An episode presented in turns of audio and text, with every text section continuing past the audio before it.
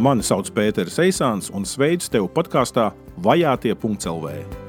Vai zināji, ka katru gadu vairāk nekā 250 miljonu kristiešu piedzīvo vajāšanu savas ticības dēļ, taču aiz katra cipara ir cilvēks un stāsts. Šajā podkāstā tu atradīsi ekskluzīvu informāciju un pieredzes stāstus no top 50 valstīm, kur kristiešu vajāšanas notiek visbiežāk. Te tu iemācīsies paplašināt savu aizlūgšanu apvārsni, Te tu varēsi praktiski iesaistīties un izmainīt kādu vajātā dzīvi. Tas viss vienreiz mēnesī, lietišķā formātā, bez drāmas un depresijas. Pievienojies!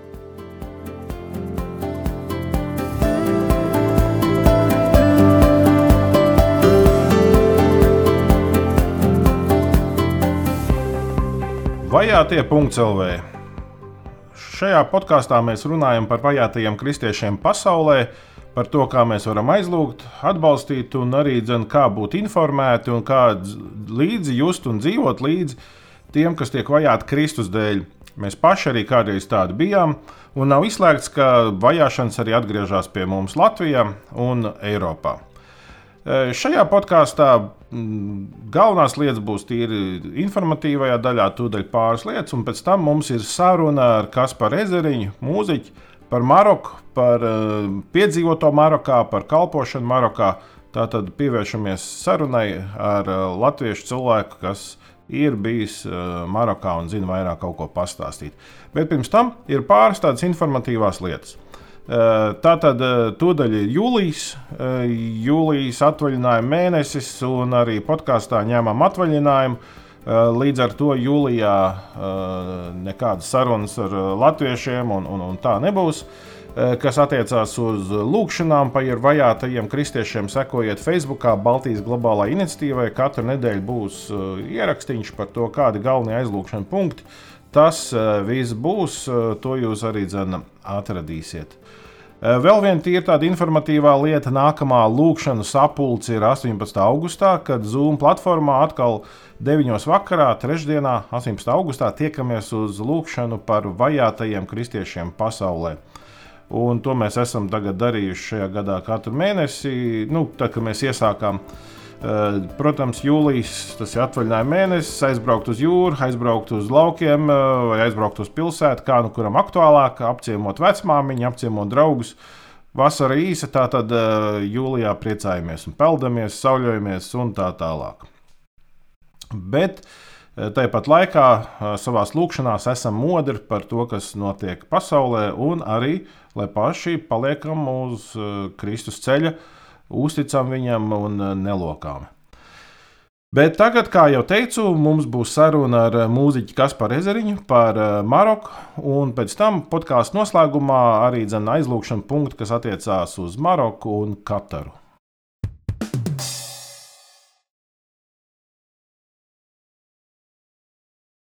Sveiks, Kaspar!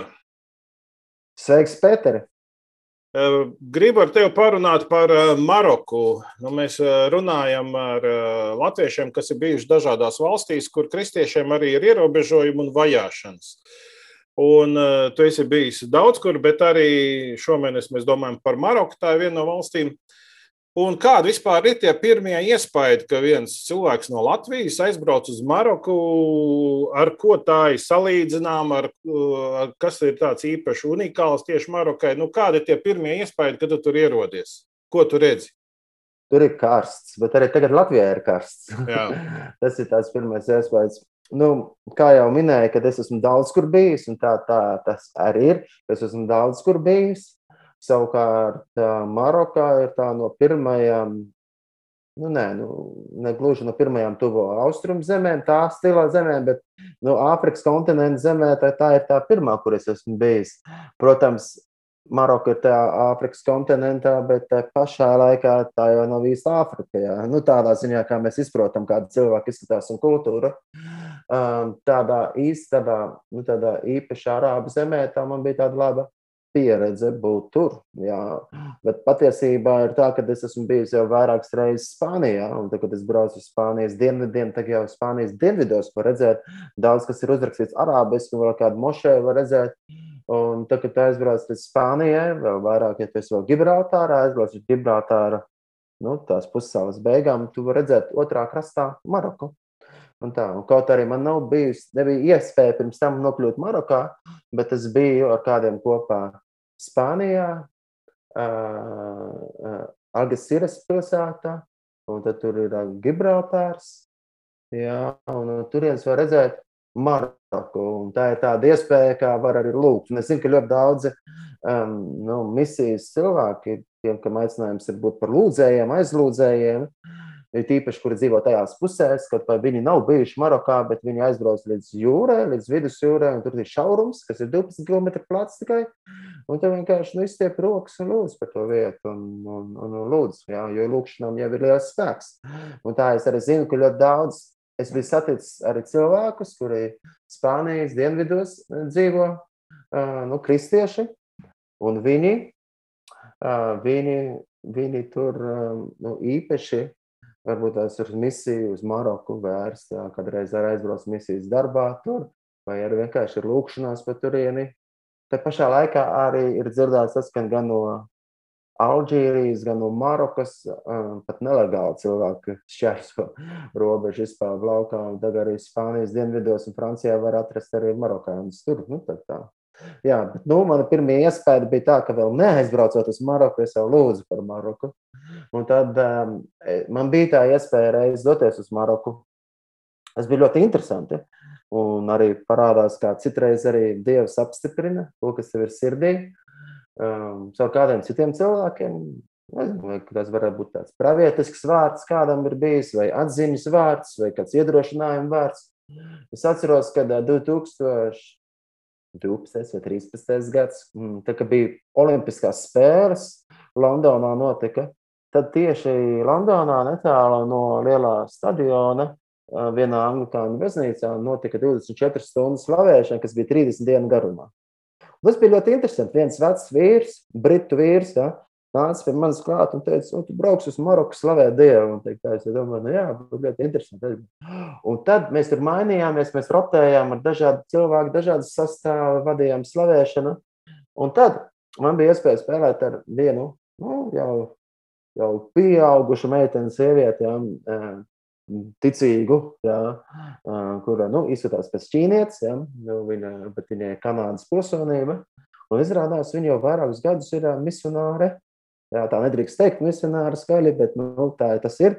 Jā, viņa ir tajā Marokā. Un viņi tad saka, ah, ka viņi var parunāt ar pārējiem viņa komandā un aicināt, ka es varētu atbraukt ciemos uz Maroku un uh, piedalīties kādā slavēšanā un tā. Un viņi strādāja Amerikas skolā, Bet viņas mērķis, kāpēc viņi tur dzīvo, viņas stāstīja, ka viņi grib arī evanģelizēt un aizsniegt vietējos cilvēkus. Un tam man vēl bija kāds pazīstams no Nīderlandes terapists, ja, kurš dzīvo kā citā pilsētā, kuras vēl nebija nekad saticis, bet bija kādi kontakti. Viņš teica, ka, jā, ja tad droši apciemot viņu. Un tā man bija šīs lietas. Un tagad tā iepriekš minētā um, māsa Kristo no Hongkongas, kurā ir Kanādas pilsonība un dzīvojusi jau tagad, viņa vairs nav Marokā, viņa citur misijā ir, bet kaut kāds vairākus gadus ir Marokā dzīvoja. Viņa teica, starp citu, ir lūkšanu uh, pasākums, speciāla lūkšana pasākums, ko organizē um, tāda komanda, kas lūdzās tieši par vidus jūras valstīm, kas dzīvo apkārt. Un, un tad notiks tāda konference, kas būs Gibraltārā. Un viņi īpaši lūgs par Maroku. Un tad viņi teica, ka daži cilvēki, kur vēlēsies, varēs pievienoties tādā mazā braucienā uz Maroku, bet, ja es vēlos, es varu palikt un kalpot tajā skolā. Un tā kā nu, Gibraltārā man sanāca tā labi ievadīt manu sirdi uz Maroku, dzirdēt daudz ko par Maroku, ko stāstīja situācija, jo tur bija arī kāda kalpotāja no Marokas, kuri bija atbraukuši uz Gibraltāru, nu, tieši ārzemnieki, kurus es vēlāk satiku arī, arī Marokā. Nu, kur tur viens, viens bija anglikāņu mācītājs, un viens bija kā tur skolā darbojās, kā slavēšanas vadītājs un dažādi tādi. Un tā bija tāda iespēja man sagatavot sirdi, jau braucienā uz Maroku. Es atceros, ka mēs Gibraltārā redzējām, līdz galam redzam Maroku, tur lūdzam par Maroku. Un, tā. un tagad mēs aizbraucām tās mazas bariņš, un tur mēs braucām nu, uz pilsētiņu Fēzi, Un tā mazliet, un tas bija kaut kāda nepilna nedēļa. Un tie pārējie, kas no tās konferences atbrauc, nebija daudz, viņi varbūt tas bija kaut kādi astoņi vai deviņi cilvēki, un viņi devās projām. Ja? Bet es paliku veselu mēnesi, man uzaicināja skolā mācīt ģitāru. Mm -hmm. Tā ir tāda iespēja, ja tu vari mācīt kaut ko un pie viena runāt arī par kam tu -hmm. tici. Un ir tīpaši ņemot vērā, ka es esmu no rietumu zemēm, ja, un man aicina pastāstīt, nu, pastāsti, ko tu dari Latvijā, ja, ko tu dari ikdienā. Un tādā veidā Es varēju stāstīt nevis tā uzkrītoši, vienkārši iziet klases priekšā un teikt, ja, es ticu uz Jēzu Kristu un pieņemt viņu par glābēju, bet es varēju stāstīt par to un radīt bildes. Ah, jā, šeit spēlēju, ah, jā, starp citus baznīcā spēlēju. Mums tur jauniešu baznīcā ir. Un, un, un, un, un tagad es sāku stāstīt, kam es teicu, kāpēc es tādas dziesmas rakstu. Un viņi visi labi klausījās. Jā. Kā es pieminēju, tas bija nu, iespēja būt Marokā, skolā, mm. kas ir amerikāņu vadīta skola visi skolotāji un direktori, viņi visi kristieši, un viņiem bija mērķis uztaisīt skolu un visu pieregistrēt oficiāli kā akreditētu izglītības iestādi, tā kā it kā dot iespēju internacionālajiem cilvēkiem mācīties tur. Bet ņemot vērā, ka tik daudz internacionālajā nav, tā arī vietējie var nākt. Un, un īstenībā tur 80% tajā Amerikas skolā bija vietējie, nu, un no nu, tie bērni, kura nu, mācījās. Vietējā elite reāli. Nu, jā, jā, Ierīnas cilvēkam tas jau īsti varētu nebūt arī pa kabatai tomēr. Varētu tā arī teikt, jā. Piekrītu tev. Piekrītu jo arī starptautiskās skolas, teiksim, ir arī Rīgā vai ne, un mm -hmm. nav viņas visiem pa kabatai, un arī tie ir arī kaut kas, ko es Jordānijā esmu dzirdējis, tur jau arī ir skolas, bet nu arī, nu tā, tā nu, nav gluži visiem vai ne pieejams. Nu, tā, tie Tas sociālie slāņi jau pastāv katrā sabiedrībā. Jā, piekrītu. Un arī īstenībā, kā arī minēju, ņemot vērā, ka tā elite ir un ļoti daudz vecāki savus bērnus aizsūt uz to skolu, jo viņi zina, ja viņi pabeigs Amerikas skolu, viņiem būs atvērtas durvis doties uz Ameriku mācīties, mm. uz Eiropu mācīties, un tā jau viņi domā par to, lai labāk izglītība būtu. Kaut vai es pat arī sākumā nepieminēju to, jā, bet, protams, visi vietējie, viņi ir nu, musulmaņi, mm. Uh, islama valsts tā ir tāda, nu, kur reliģija ir islams. Tā pašā laikā valdības saka, ka katrā, katrā pilsētā īstenībā var atrast baznīcas. Es pieminēju anglikāņu priesteri, ja? pieminēju vēl kādu mācītāju, tur brīvās draudzes, tur ir reformāta draudzes, tur ir nu, dažādas konfesijas, baptisti arī ir un dažādi. Un katoļu mīsas notiek un tā, ka ir dažādi. Bet nu, valdība saka, mums ir reliģiskā brīvība. Mums, saka, mums ir reliģiskā brīvība. Mēs atļaujam, mums ir, mums ir, mums ir mošais, mums ir baznīca, mēs atļaujam kristiešiem būt. Bet, bet viņi to skaļi nesaka, ka tas skumjākais fakts ir tāds, ka viņi neatļauj vietējiem, mm. vietējiem kļūt par kristiešiem. Tas ir likumi, ir aizliegts. Un tā, kad es gāju uz tām baznīcām, kur muzejs nespēlēt, ja, bija tāda sajūta, bija, nu, es jau atnāku tiem ārzemniekiem. Tā kā. Bet tagad mm. sapratu to, ka no nu, lūkšanām ir spēks. Mēs kā ārzemnieki kritīgi lūdzam par to apkārtēji. Un, tā, un, un vietējie nevar nākt, jo ārā ir drošības dienas, kas pārbauda, vai vietējie nenāk iekšā. Vietējie nedrīkst iet. Tā. -hmm. Nu jā, nu, protams, valdība jau vienmēr mēģina kaut kādā veidā turēt roku uz pulsa, lai nu, iedzīvotājs kaut kādas idejas no ārpuses neiespaido. Un ļoti interesanti jau ir tas, ka nu, daudz no arī tiem senajiem baznīcas tēviem jau bija no Ziemeļāfrikas, vai ne? Jā. Kaut vai arī Augustīns, jā, un tas jau bija tāds tomēr bezmazliet kristietības šūpuls, un tagad tā situācija ir, ir savādāka. Un, un, un, bet, Bet, kad, teiksim, bet kaut kādas kontakti tev bija arī ar alžīriešiem, ja tev, tā tev arī īsti tos nu, teiksim, pagrīdes, kristiešu, alžīriešu. Marokāņus. Ja? Tā oh, jā, to, jā, atvainojos, pārslēdzos. Tu vienkārši arī vienu brīdi kaimiņu zemi, jā, jā, jā, jā, jā. Kaimiņu zemi par to arī jālūdz, protams. jā, jā, to mēs pat citreiz runāsim. Jā, jā, jā. Bet marokāņus tu izdevās satikt, un, un ja jā, tad pastāst tā, nu tā jā. pārāk daudz arī neatklājot par viņiem. Ja nu kāds jā. pēkšņi, -huh. nezinu, kaut kāds uh, noklausās kāds pēcdienas šo sarunu. jā. nu jā, pieminēja Alžīriju, tad es gribu arī pieminēt to, ka, nu, protams, Marokā ir daudz, daudz, daudz, daudz, daudz, daudz brīvāka situācija. Es Alžīrijā neesmu bijis, bet es dzirdēju, nu, ka Maroka tā kā nu, dod iespēju vairāk arī ārzemniekiem nāk un tā. Mm. Bet tāpat kā Marokā, tāpat Alžīrijā ir ļoti daudz pagrīdes draudzes. Un vairāk es par viņiem uzzināju no kādiem nu, ārzemju kristiešiem, pie kuriem es viecojos, kuri man mm. stāstīja, kuri paši ļoti reti viņus apciemo, jo tie vietējie cenšas netikties ar ārzemniekiem. Mm. Dēļ tā, lai, jo tie, kāds tiekās ar ārzemnieku, tad uzreiz viņu novēro un cenšas saprast, kas ir tas iemesls, ka viņš nav mainījis ticību. Un tas ir tik ļoti pārsteidzoši un interesanti, ka tās draudzes, kuras ir izveidojušās, viņas ļoti daudz ir izveidojušās no tā, ka cilvēki paši ir atgriezušies par sapņiem, redzējuši jēzu, mm -hmm.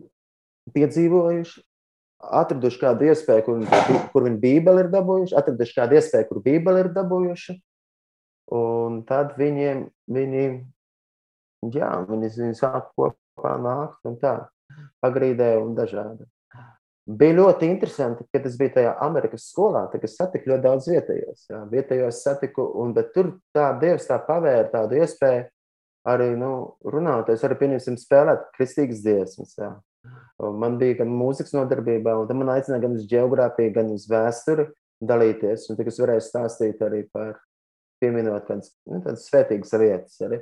Bet arī par Latviju runājot, tas bija ļoti interesanti. Jā, ka man uzņēma ar to, ka, oh, Latvija, taču vai ir Vīča Freiberga, Kasablankā koledža beigas, un teikt, tā viss zināja to, vai arī futbols. Tā.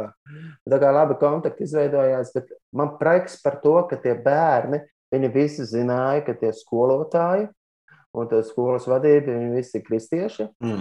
Un tie bērni jutās ļoti labi, mīlēti, un arī bērni vecāki jutās ļoti labi, jo viņi redzēja, ka tur ir laba atmosfēra. Bet tur ir tas, nu, ka tā teikt, ka ir tas miers, prieks un mīlestība un mhm. žēlastību, un to, ka nevar izjust, varbūt tās ikdienā citur.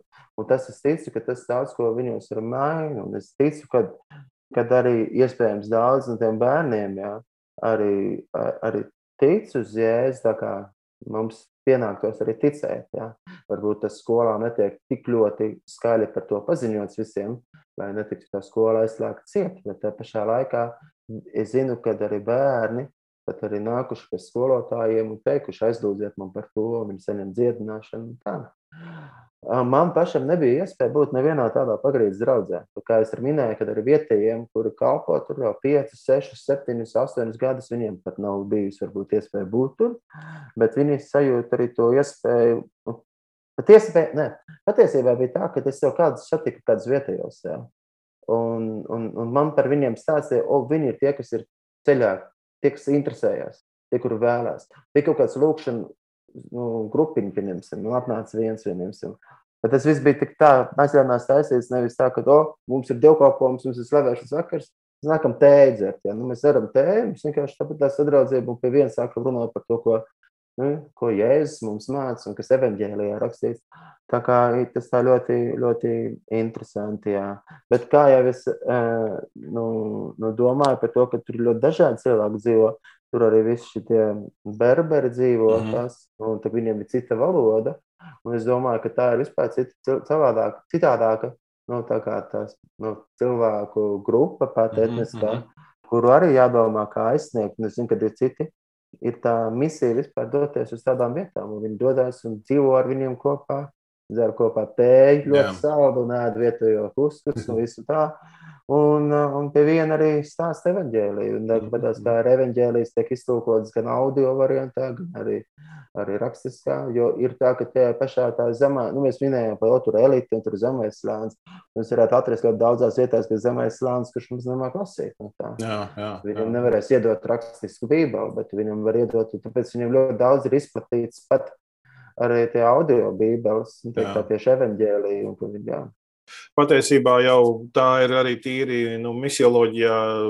Jau par to domā arī organizācijas, lai būtu dažādi šie tehniskie rīki, kas palīdzētu evaņģēlīju nest gan uh, visādas atmiņas kartes, ka tu vari ielikt telefonā vienkārši mm. cilvēks cilvēkam iedot. Un, Un, un, un, un patiesībā tas ir ļoti labi, ka mums tādas iespējas nu, mūsdienās arī ir. Un, un, un, un cilvēki dalās ar evaņģēliju. Man arī ir bijuši iespējas dzirdēt nu, ļoti nu, pārsteidzošus stāstus. Jā, un, yeah. kā, nu, tāpēc nu, no vienas puses ir, ir satelīti, un, un, bet tāpat laikā ir tādas daudz nu, vienkāršākas, piezemētākas tehnoloģijas, kas, kas darbojas, nu, ja sastopās ar īstiem cilvēkiem, kam ir yeah. interese. Hmm. Jā, un tagad, pieņemsim, tur tajā valodas viņiem ir gan oficiālā ir arābu valoda mm. un berberu valoda. Jā, kurā nu, berberu valodu viņi, man liekas, tikai arī nesen kā atzina, ka oficiālo, bet nu, ir cilvēki, kas tikai runā berberu valodā. Mm. Bet vēl ir tā nav oficiālā valoda, tas nav valsts līmenī, bet tā pašā laikā lielākā daļa, ir tīpaši visi elite un visi tie, viņi runā arī franču valodā, jo agrāk tā bija mhm, franču mhm. kolonija. Līdz ar to arī uz ielām varēja daudz ko redzēt franciski. Mhm, nu, tā tas sākām. Bet tajā pašā laikā ir tā, ka nu, tās, tās berberu cilvēks jau dzīvo ļoti daudz Marokā un arī tajā pašā pieminētā Alžīrijā.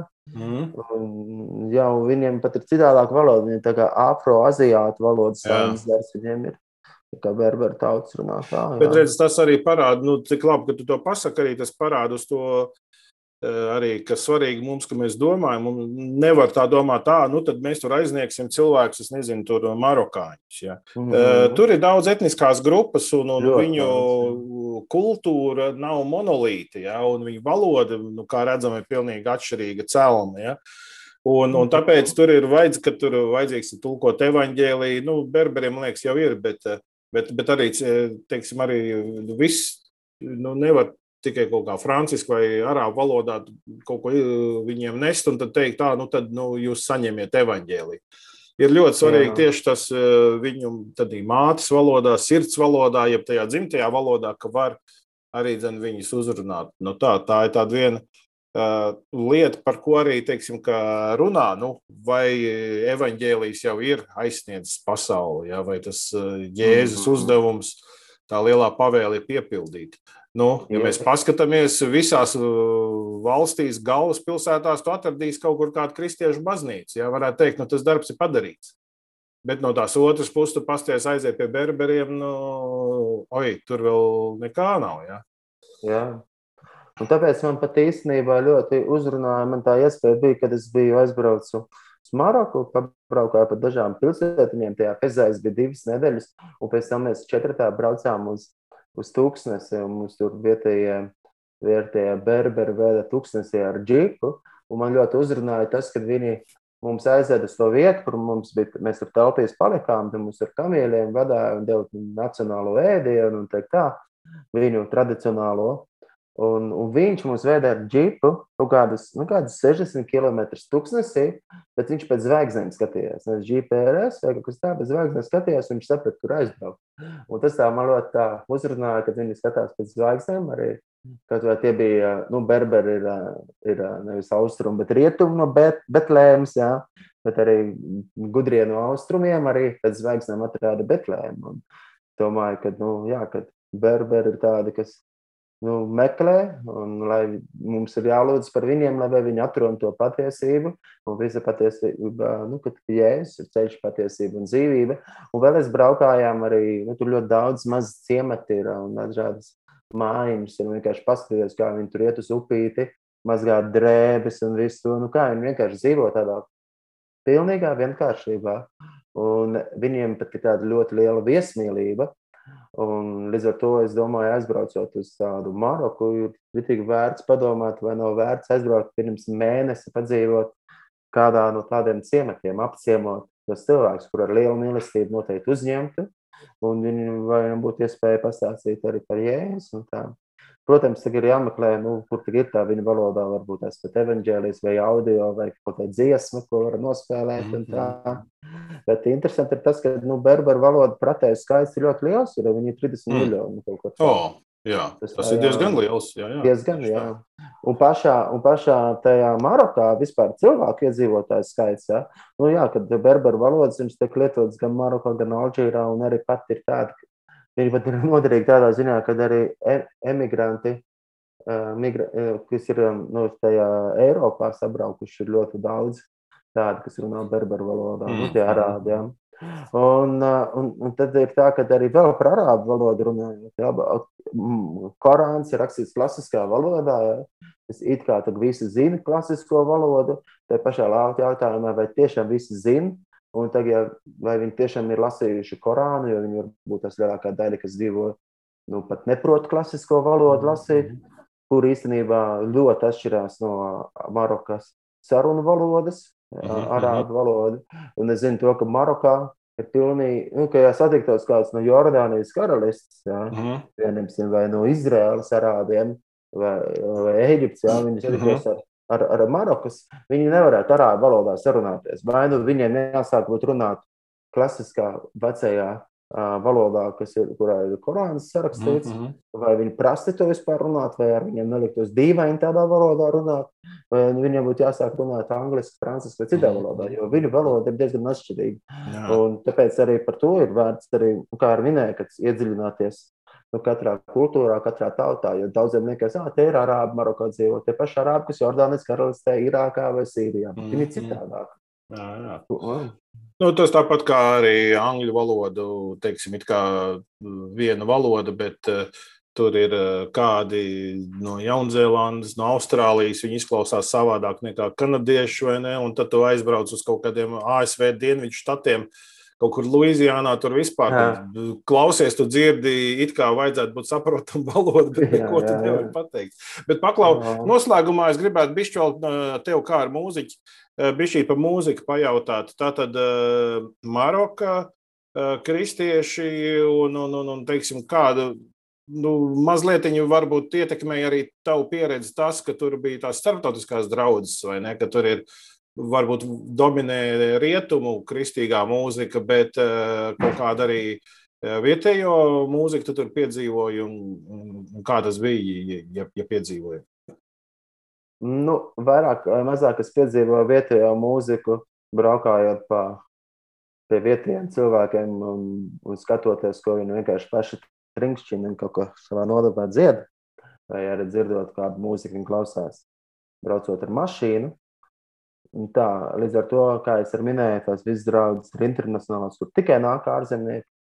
Un patiesībā es pats satiku arī kādus ārzemniekus, kur neiet uz baznīcu, kad viņi ir kristieši, bet viņi mājās lūdz Dievu un cenšas atrast varbūt tās vietējo kādu cilvēku un uztaisīt viens pret vienu vai vienkārši mājas grupiņu. Un lai viens iemesls, kāpēc viņi neiet uz baznīcu, lai, lai pat ar nu, vietējiem, kā teikt, um, nu, kad uh, vietējais pēcdienas un, un viss pārējās, viņi nedomā, hei, viņi taču ir nu, stipri izteikti kristieši. Nu, tā. Un, un tagad jau labi, labi viņi pa gabalu no vietējiem turās. Līdz ar to viņi arī ārzemnieki neiet varbūt uz baznīcu, bet viņi pavada īpašu laiku kopā ar, ar vietējiem un runā pa jēs ar viņiem. Un tā, un tas ir tā viens. Uh, otra lieta ir tas, ka, jā, kad tajās ārzemju draudzēs tiešām viņi dzied visu tikai tās ārzemju dziesmas. Tā, nu, tā kā amerikāņu dzied amerikāņu un rietumu dziesmas. Tā tā. Bet uh, man ir tā pieredze ir bijusi ļoti liela nu, būt vietējās draudzēs un kalpot tieši arābu kristiešu draugzēs Izrēlā un Palestīnas teritorijās. Tur man ir bijusi ļoti liela iespēja. Un, nu, un es zinu ļoti daudz Eģiptē sarakstītās slavēšanas dziesmas, ko paši arābi ir rakstījuši. Ir superīgas dziesmas, ir nu, enerģiskas, skaistas dziesmas. Un, un, un es aizējot uz draugiem, kas, piemēram, Betlēmē ir, vai arī kaut kur citur, nu, tajās vietās. Nu, tur ļoti reti viņi dziedās nu, mūsu rietumu dziesmas. Un man ir tā iespēja, ka es varu kalpot arī, arī esot Izrēlā un, un Palestīnas teritorijās, kalpot tieši Betlēmē, ja kur Jēzus piedzima. Un es bieži vien spēlēju katoļu baznīcā, viņu vietējā misē, kas ir sēdienās, kur viss notiek arābiski. Un tad es spēlēju tur ģitāru, man vienreiz pieaicināja ar vietējiem iet tā kā tādā nu, svētceļojumā gājienā, un mēs dziedājām visu arābiski. Un, un, jā, un, tad, un tagad es arī Baptistu draugzē vai vēl kādā. Jā, es arī nodziedu kaut ko, es nodziedu, nodziedu ko pats esmu rakstījis, jā, un pielieku varbūt tādus arī arābiskākus gājienus, lai viņi redz, ka es tomēr esmu savējais, ja?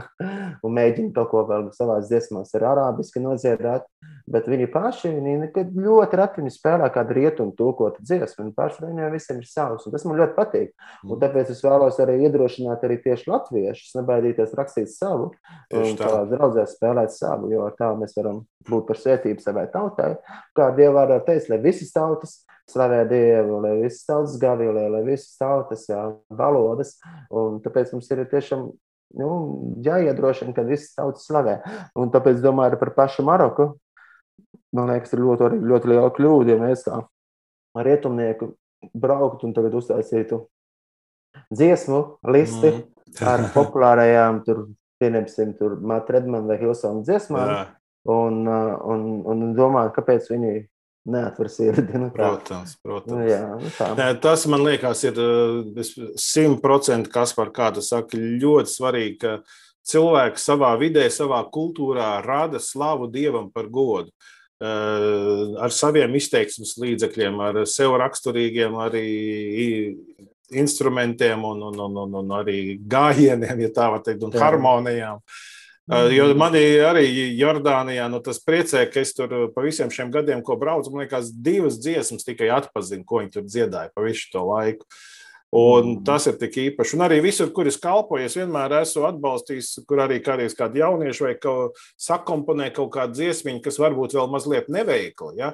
Bet tas ir labi dziedam, dziedam, atbalstam ir ļoti svarīgi radīt dievam slavu tajā vidē, kur tu esi. Un, un es domāju, dievam patīk tautas. Ja. Dievs ir par to, ka e, katrā tautā ir sava tāda izteiksme un savs tāds temperaments. Un, Uh, nu, labi, nepierakstīsim dievam viedokli par visu, un kad varbūt viņam nepatīk globalizācija, bet, bet kaut kur tas, ka tāda, nu, vismaz rietumu baznīcā reizēm ir tāda novienādošanās. Nu, Eh, es, es to neredzu kā tādu, ka tas ir tāds, kas mūs bagātina, bet mūs noteikti bagātina tas, ja mēs varam savā valodā, savā mentalitātē nu, Dievu slavēt. Un tāpat laikā ar lielāku cieņu mēs arī esam pret citām tautām.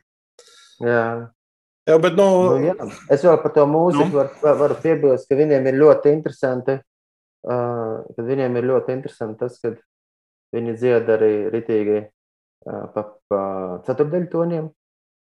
Tas ir ļoti interesanti. Uh -huh, uh -huh. Jo, ko mums kā pieredze, ir pustoņi, jā, jā. do, do, dodies rēdi, kā pustoņi. Viņiem ir ceturdaļu toņi. Viņiem ir tā, ka mums ir tas ir kā tā 12, jā, sanāk, tā tavs čiņģiņ, viņiem ir 24, viņiem vēl par vidi. Līdz ar to viņiem bieži vien būs arī instrumenti tādi, kuros nav tās lādes, jo, lai viņi var arī izspēlēt viņu mm. ūde vai kaut kādas tādas instrumentus, var izspēlēt tos, nu, kad ir ritīgi, un viņi arī smagi dziedāt. Viņi dzied tā, ka viņi dzied pa, pa ceturdaļu toniem. Mēs, kā rietumnieki, vispār par to neiedomājamies. Mums liekas tā, ka ah, nu jā, viņi vienkārši ir pieraduši, viņi ir uztrenējušies nu, kaut kā uz to mūziku. Un tas vēl vairāk būtu, tas būtu, nu jā, Tas būtu viņiem, viņiem liktos kaut kas dīvains. Un, un ir īpaši vēl, vēl vairāk, ja tā padomā, ja tā padomā nu, kad, uh, arī par visiem tiem ceturdaļu toniem un, un arī par tiem instrumentiem. Nu, Jēzus jau nedzīvoja nu, mūsdienu rietumu sabiedrībā, viņš jau dzīvoja nu, tuvajos austrumos. Un tāpat arī Dāvids un, un visi pārējie, kas ir Bībelē aprakstīti. Un tur noteikti ir mūzika tāda ļoti nu, izteikta ritmiski un arī ar tonkārtas tādas, par kurām mēs kā rietumnieki domājam, nu, ka nav. Tad citreiz mēs kā rietumnieki braucam un sakam, un tas arī tā ļoti dīvaini ir. Citiem liekas, oh, šī ir laba slavēšana. Nu, tā. Tāpēc, kad nu, pazīstamās modernās dziesmas, nu, tā, bet tas ir pilnīgi kaut kā nepareizi. Jā, vajadzētu drīzāk priecāties par to, ka cilvēki var slavēt Dievu nu, īpaši sev ierastajās. Jā, jā, un es domāju, tur jau tā lieta, tā daudzveidība, Dievs jau ir radošs. Un uh, Dievs neradīja kaut kādu monokultūru, vai ne? Paskatāmies, augu valstī. Ja? Tur nav tikai kaut kāda viena kultūra, jā, viens augs. Jā. Tur mm -hmm. ir mhm. ļoti liela daudzveidība, un tādēļ arī mūsu slavēšanā, mūsu radošajā izpausmē, visā, ko mēs darām Dievu godam, uh, Un arī dievkalpošana un dievkalpojums kā tāds, eh, viņš arī var būt eh, daudzveidīgs eh, dažādās tautās. Un arī, nu, kaut arī ņemot vērā to islāma kultūru, bieži vien tur notiek dievkalpošana, kas ir atšķirīga no tā, ko mēs rietumos esam pieraduši. Un tādēļ mm -hmm. Mēs nevaram ar to savu colšu pieiet un visu mērīt, ja viss tikai caur savām brillēm eh, skatīties. Ja. Jā. Bet vēl es pat nepaspēju pieminēt, es tikai pieminēju mazliet, bet nepaspēju izstāstīt. Es pieminēju, ka es pazinu vienu terapistu no Nīderlandes, kurš arī dzīvo jau pat 30 gadus ar sievu, vai pat vēl vairāk, Marokā. Un viņš strādā par, par terapistu un īpaši ar rehabilitācijas centros. Un es biju pievienojies viņam, pāris dienām ciemojos pie viņa. Un es skatījos, kā viņš tur rehabilitācijas centros darbojās ar bērniem. Tur terapijas veids, kuriem ir kustība traucējumi, kādos bērnu centros, kur ir kustība traucējumi, tāpēc arī kādiem, kuriem ir kādas vajadzības, nu, kā pie ārsta doties, viņi dodas arī pie viņa. Viņš ir ļoti izcils un labs terapists, bet viņš, viņa mērķis nav Marokā tikai dzīvot, lai, lai strādātu pie darba, bet viņa mērķis ir tas, ka to to dāvanu, to talantu, to prasmi, ko viņš ir apmācījies un ieguvis, ka viņš var būt tajā vietā un arī stāstīt par Jēzu. Un ir bijuši ļoti daudz labas sarunas. Un viņš, jā, un, un tāpēc, tāpēc man būtu grūti pateikt, es tik vienu mēnesi biju, es tik vienu mēnesi biju, es nevaru pateikt, kā vietējiem iet, un kā es, es viņiem nevarēju īsti parunāt, jo viņš dzīvo 30 gadus tur, un viņš saka, pārstāvējot cilvēku atver tās sirdis pēc 5, 6, 7, 8 gadiem. Un tā draudzība un tās attiecības tas ir tik ļoti, ļoti, ļoti svarīgi. Tad, kad viņi redz, ka tur, tur ir patiesa mīlestība un tur ir draudzība, viņi ir atverās jēzum un notiek daudz lietas. Un tas man terapists, tas draugs, nu, brālis Kristūna no Nīderlandes, kurš dzīvo tur ar ģimeni, viņš man stāstīja daudz stāstus, kad ir pieņēmuši jēzu un ka viņi tiekās runā par jēzu un slavē jēzu. Nu, noslēgumā, nu, tiem, kas klausās, nu, varbūt arī kādi gados jaunāki, ir, man ik pa laikam ir bijusi situācija, kad nu, cilvēki varbūt man uztver kā kaut kādas, nezinu, tur, kaut kādas misijas idejas, tur kā tādu bīdītāju vai popularizētāju Latvijā. Tad ir bijuši jaunieši, kas prasa, nu, ko man darīt, kā es varu iesaistīties misijā, un, un, un, un kāda pat bija, kas pēc vidusskolas, nu, vai tur ir vērts viņam iet augstskolā, ja varbūt vajag iet uz kaut kādu bībeles skolu. Es, es viņiem teicu, nē, jums vajag iet iegūst profesiju. Izmācies augstskolā, iegūst profesiju, kļūst par speciālistu kaut kādā lietā. Un tad, kad tu dosies, tad, vai tas ir uz Ziemeļāfriku vai jebkur, tu būsi pieprasīts, tu būsi vajadzīgs, tevi novērtēs, un tur dzīvojot, tu izveidosi reālas attiecības. Līdzīgi kā tev pat tev terapeits saka, e, tur paiet laiks. Jo es biju pirms pāris gadiem vienā konferencē, kur ir nu, par tādu tēmu kā biznesa misija. Tātad, kur cilvēki savu darbu uh, dara kā kalpošanu, kā misiju.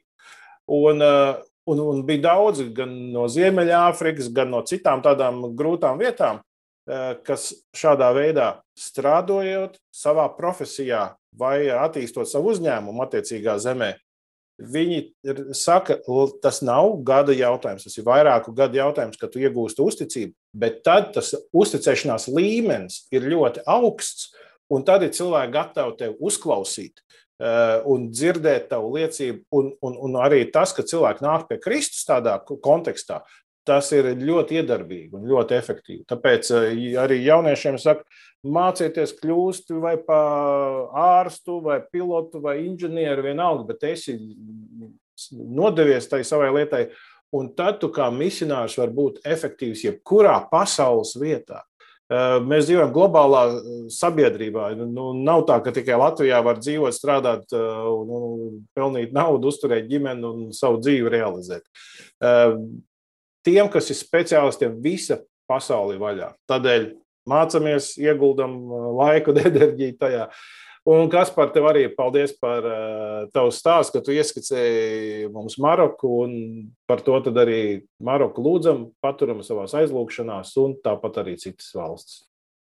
Jā, paldies, Pēter, par šo iespēju parunāt kopā par Maroku un ar pievienojos taviem vārdiem, ko arī minēji. Un, jā, un būsim lūkšanās, lūkšanās par Maroku un citām valstīm. Paldies, Kaspar! Visu labu! Visu labu!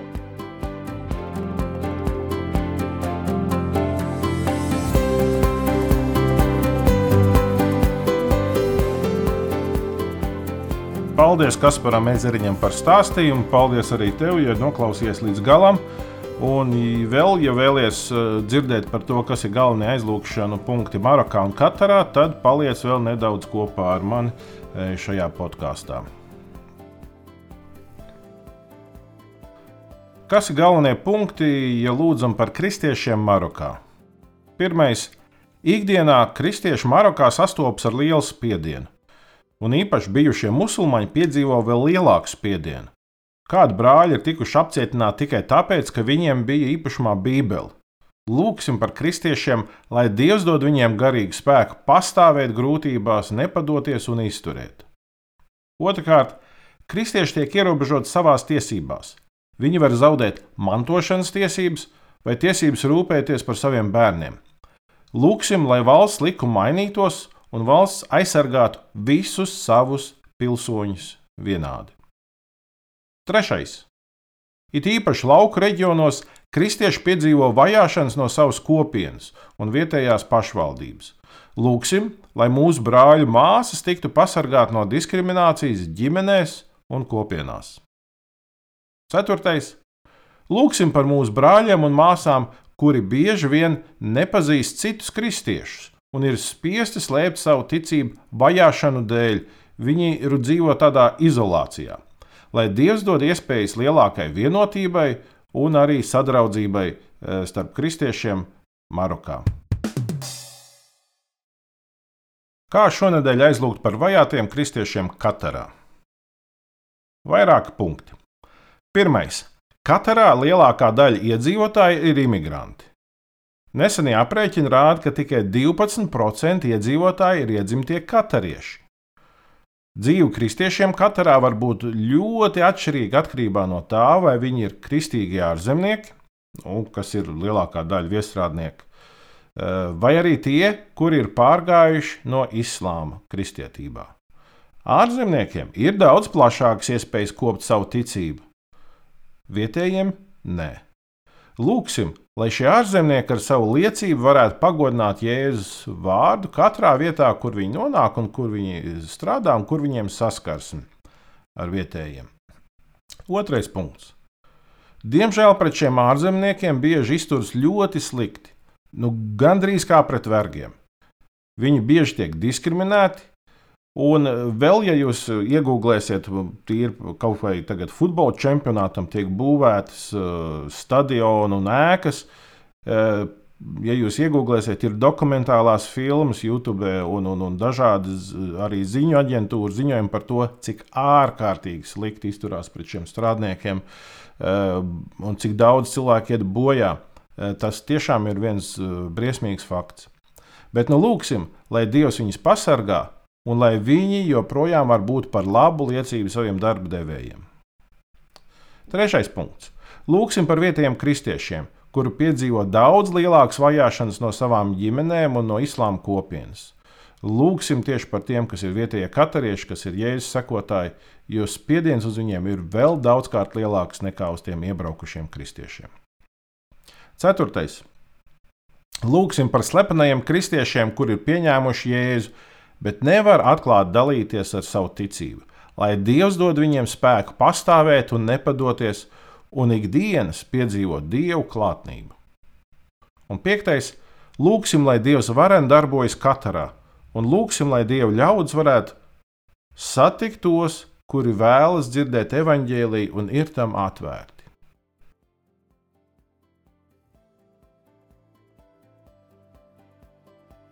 Tas šajā podkāstā viss. Paliekam vienot lūkšanās, paliekam ar tādu skatu par pasauli atvērtu, lai redzētu, kas tur notiek.